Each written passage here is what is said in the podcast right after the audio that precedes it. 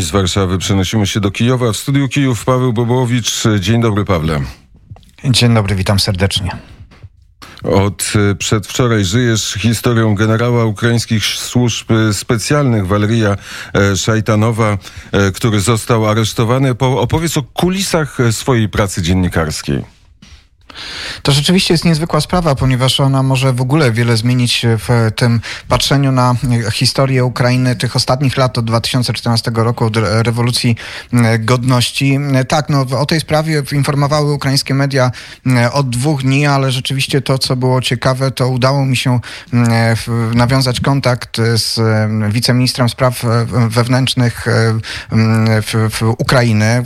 Ta, do, udało mi się umówić z nim rozmowę rozmowę i e, w, w, doprowadzić do tej rozmowy e, Anton Heraszczenko, wiceminister spraw e, wewnętrznych Ukrainy, na naszej antenie ujawnił fakty związane z przeprowadzeniem tej specjalnej operacji, jak ona wyglądała, jak wyglądała prowokacja, która umożliwiła ostateczne zatrzymanie Waleria Szajtanowa. Wiceminister zgodził się na to, że to właśnie dla naszego medium opowie o tych szczegółach i rzeczywiście, jak pytasz się o te kulisy pracy dziennikarza, dziennikarskiej, to poprzednie dwa dni e, spędziłem na wielu rozmowach, na przekonywaniu też e, wielu osób, żeby do tego wywiadu doszło. Krótkiego w sumie wywiadu, ale ważnego, bo ten szczegół pojawił się u nas na antenie i dopiero od nas e, został, został ukraińscy dziennikarze od nas mogli się dopiero o tym dowiedzieć, jak wyglądały szczegóły tej operacji. Ale może zanim powiem o tych szczegółach, to może powróćmy do postaci Waleria Szajtanowa, bo to jest, tak jak powiedziałem, bardzo ciekawa sprawa i, i naprawdę ona może wiele zmienić w ogóle, jeśli e, będziemy patrzyli na to, co się działo od 2014 roku i na Majdanie, i na wschodzie Ukrainy. Dlaczego? Kim jest w ogóle e, ten generał Służby Bezpieczeństwa e, Ukrainy? No takich faktów biograficznych o nim nie jest bardzo dużo. Wiadomo, że ma 57 lat. Zakończył Riazjańską Powietrzno-Desantową Szkołę Wyższą, czyli w, w, szkołę w, w Sowietach. Stopień generała otrzymał w sierpniu 2015 roku. Był wtedy zastępcą Centrum Specjalnych mm, Operacji Operacji Walki z Terroryzmem Służby Bezpieczeństwa e, Ukrainy i specjalnego oddziału SBU Alfa. Czyli jeszcze raz chciałem zwrócić uwagę na ten e, rok, kiedy został generałem, czyli 2015 rok, czyli już po wydarzeniach rewolucji godności. E, w 2008 roku natomiast był nagrodzony orderem za męstwo drugiego stopnia, ale orderem Bogdana Chmielnickiego, czyli takim najwyższym ukraińskim oznaczeniem w sierpniu 2015 roku. Czyli jak widać i w tych wczesnych, wcześniejszych czasach za Janukowycza i w tych czasach późniejszych, no to cały czas utrzymywał się e, na wysokim poziomie w strukturach e, służb. Wiadomo też, że brał udział we współpracy e, służb rosyjskich i ukraińskich. Wtedy to była oficjalna współpraca do rewolucji godności. I wtedy prawdopodobnie też poznał swojego późniejszego opiekuna, pułkownika rosyjskiej FSB Igora Jegorowa. Szajtanowa wiąże się ze sprawami przeciw Majdanowi. To jest właśnie ten jeden z elementów, który może spowodować spowodować, że na niektóre sprawy będzie trzeba spojrzeć inaczej. W 2014 roku ówczesny szef komisji parlamentarnej zajmującej się wydarzeniami na Majdanie, Gennady Moskal, już wtedy informował, że nazwisko Szajtanowa figurowało w dokumentach z nazwiskami snajperów, którzy strzelali do, Majdanow do Majdanowców w tych kluczowych dniach rewolucji 19 i 20 lutego 2014 roku. Szajtanow wtedy już kierował e, tym specjalnym pododdziałem Alfa, który zabezpieczał ogniowe wsparcie e, sił porządkowych na Majdanie. No to o tyle zaskakujące, że w 2014 roku takie informacje publikuje Gennady e, Moskal, to jedna z e, takich ikon rewolucji godności, a jednocześnie e, Szajtanow dalej robił swoją karierę w służbach. Mało tego, w 2014 roku na pewno był osobą, która odgrywała no, jedną z najważniejszych e, ról w, w, w, działaniach e, na wschodzie Ukrainy, e, ale jednocześnie już wtedy też był oskarżany i o sabotowanie działań obronnych na Donbasie. Między innymi Jurij Butusow o tym mówił, to taki dziennikarz, który specjalizuje się w kwestiach obronnych. On zarzucał między innymi Szajtanowi to, że ten co najmniej nie wykazywał odpowiedniej woli i chęci działań w, przy obronie Kramatorska, i słowiańska. No wprost, między innymi w Kramatorsku zarzuca się Szajtanowi, że nie pozwalał otworzyć ognia do prorosyjskich formacji, które atakowały lotnisko w Kramatorsku. Wtedy w ogóle jeden z dowódców Alfy otwarcie przeszedł na stronę tak zwanych separatystów, stworzył batalion Wschód, który no, otwarcie i prowadził walki przeciwko Ukrainie.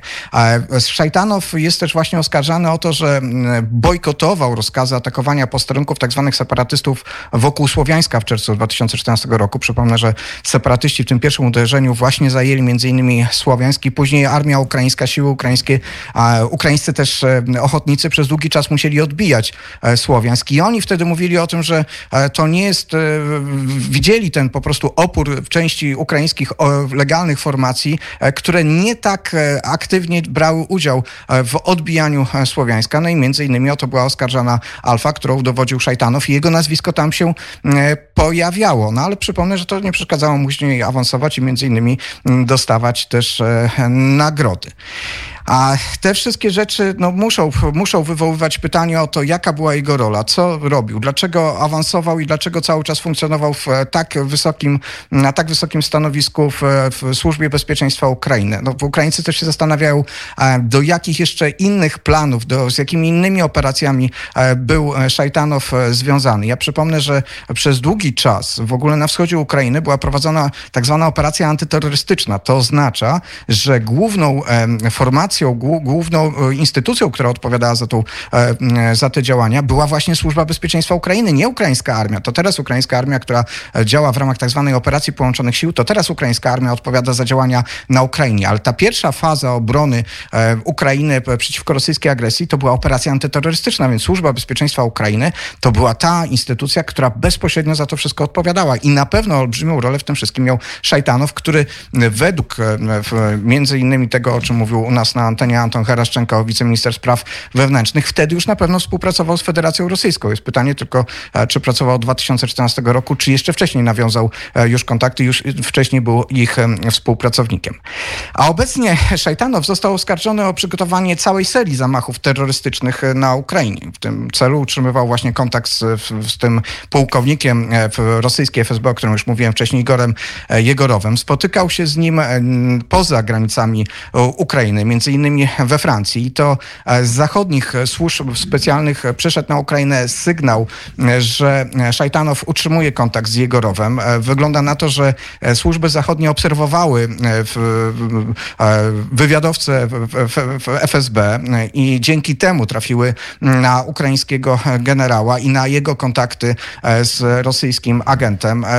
Anton Heraszczenko mówił u nas na antenie, że to wynika też z tego, że po serii tych działań w Federacji Rosyjskiej na zachodzie Europy, no między innymi po sprawie Skripalów, a faktycznie służby zachodnie bardziej są wyczulone na działalność rosyjskiej agentury i dzięki temu udało się e, namierzyć te, te spotkania i przekazać informacje stronie e, ukraińskiej, a ta wszczęła e, działania wobec, wobec Szajtanowa. No i to oczywiście tych faktów i te spotkania nie wystarczyły do tego, żeby go zatrzymać, a być może też SBU chciało jednak więcej dowiedzieć się o tych planowanych planowanych, o tych planowanych zamachach. Wśród nich e, jednym z takich zamachów miał być zamach na Adama Osmajewa. No i to jest kolejny bardzo ciekawy wątek. Adam Osmajew to czeczeński bojownik walczący od 2014 roku przeciwko Rosji na stronie Ukrainy. Może dwa słowa o, o Osmajewie. E, Osmajew e, był w Rosji oskarżony e, w 2008 roku, jeśli dobrze pamiętam, o przygotowywanie zamachu na Ramzana Kadyrowa, przywódcę Republiki Czeczenii, i później na prezydenta Władimira Putina. Pod takimi zarzutami on był nawet przez moment zatrzymany w, w, w Rosji, później zwolniony, wyjechał z terenu Federacji Rosyjskiej, i, ale pod takimi zarzutami został zatrzymany na Ukrainie w 2012 roku i trafił do więzienia więzienia. Przeciwko jego uwięzieniu protestowały organizacje praw człowieka, zwracając uwagę, że e, te wszystkie postępowania no, budzą co najmniej wiele e, wątpliwości. I po rewolucji godności, czyli już w 2014 roku, ukraińska prokuratura wycofała oskarżenia wobec Adama Osmajewa. Osmajew wyszedł na wolność i walczył na wschodzie Ukrainy. W lutym 2015 roku został dowódcą Międzynarodowego Batalionu imienia Johara Dudajewa. Ten batalion, który e, składał się w dużym stopniu właśnie z bojowników czeczeńskich i walczył w ramach ukraińskich sił zbrojnych na wschodzie Ukrainy przeciwko rosyjskiej e, agresji. Osmajew e, wielokrotnie był nazywany osobistym e, wrogiem Kadyrowa. Kadyrow nawet miał kilka takich wystąpień publicznych, w których wprost mówił o Osmajewie i o jego żonie, Adam, o żonie Adama Aminie Okujewej. Dwukrotnie próbowano dokonać zamachu na życie Osmajewa. Przy pierwszej próbie zamachowca, to o tym też opowiadaliśmy na antenie i to wszystko jest do odnalezienia na naszym portalu e, wnet.fm. E, Przy pierwszej próbie e, zamachu zamachowca raniła Amina Okujewa, żona Adama. Zamachowiec w, w samochodzie, e, udając francuskiego dziennikarza, próbował zabić Adama Osmajewa. Amina raniła go i udało się wtedy no, nie, zapobiec temu zamachowi. Ale drugi zamach nastąpił parę miesięcy później, 31 października 2017 roku. Amina i Adam jechali samochodem pod Kijowem. Ten samochód został ostrzelany i w wyniku tego zamachu Amina Okujewa zginęła, a Adam Osmajew trafił do szpitala z ranami, ale ten zamach e, przeżył.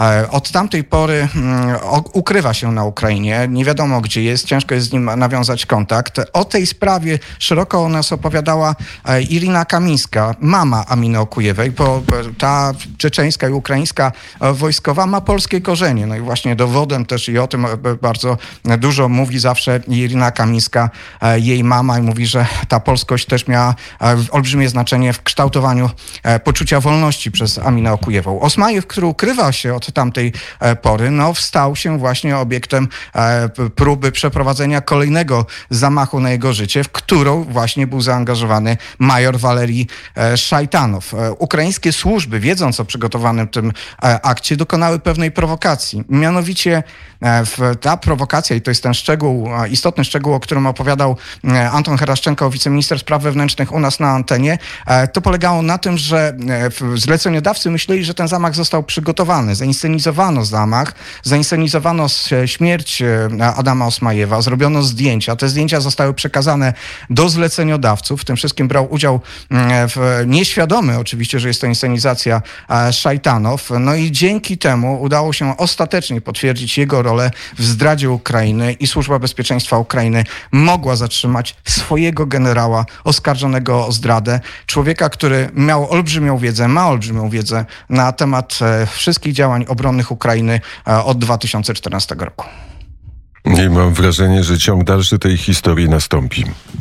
Tak, no niewątpliwie nastąpi, bo oczywiście mm, to e, nie, nie jest na pewno jedyne zatrzymanie w tej sprawie. Pytałem się o to Antona Heraszczenka, on nie chce chciał powiedzieć, jak dalej będzie wyglądać e, śledztwo, ale e, według tych informacji, które posiadam nieoficjalnych, oczywiście e, pojawiały się już inne nazwiska, inne tropy e, i można się spodziewać, że będą dalsze zatrzymania i można się spodziewać, że oczywiście to będzie oznaczało opublikowanie wielu różnych faktów e, dotyczących obrony Ukrainy od 2014 roku. I można się spodziewać dalszych y, korespondencji Pawła Bobołowicza z Kijowa. Pawle, bardzo serdecznie dziękuję. Dziękuję serdecznie, pozdrawiam.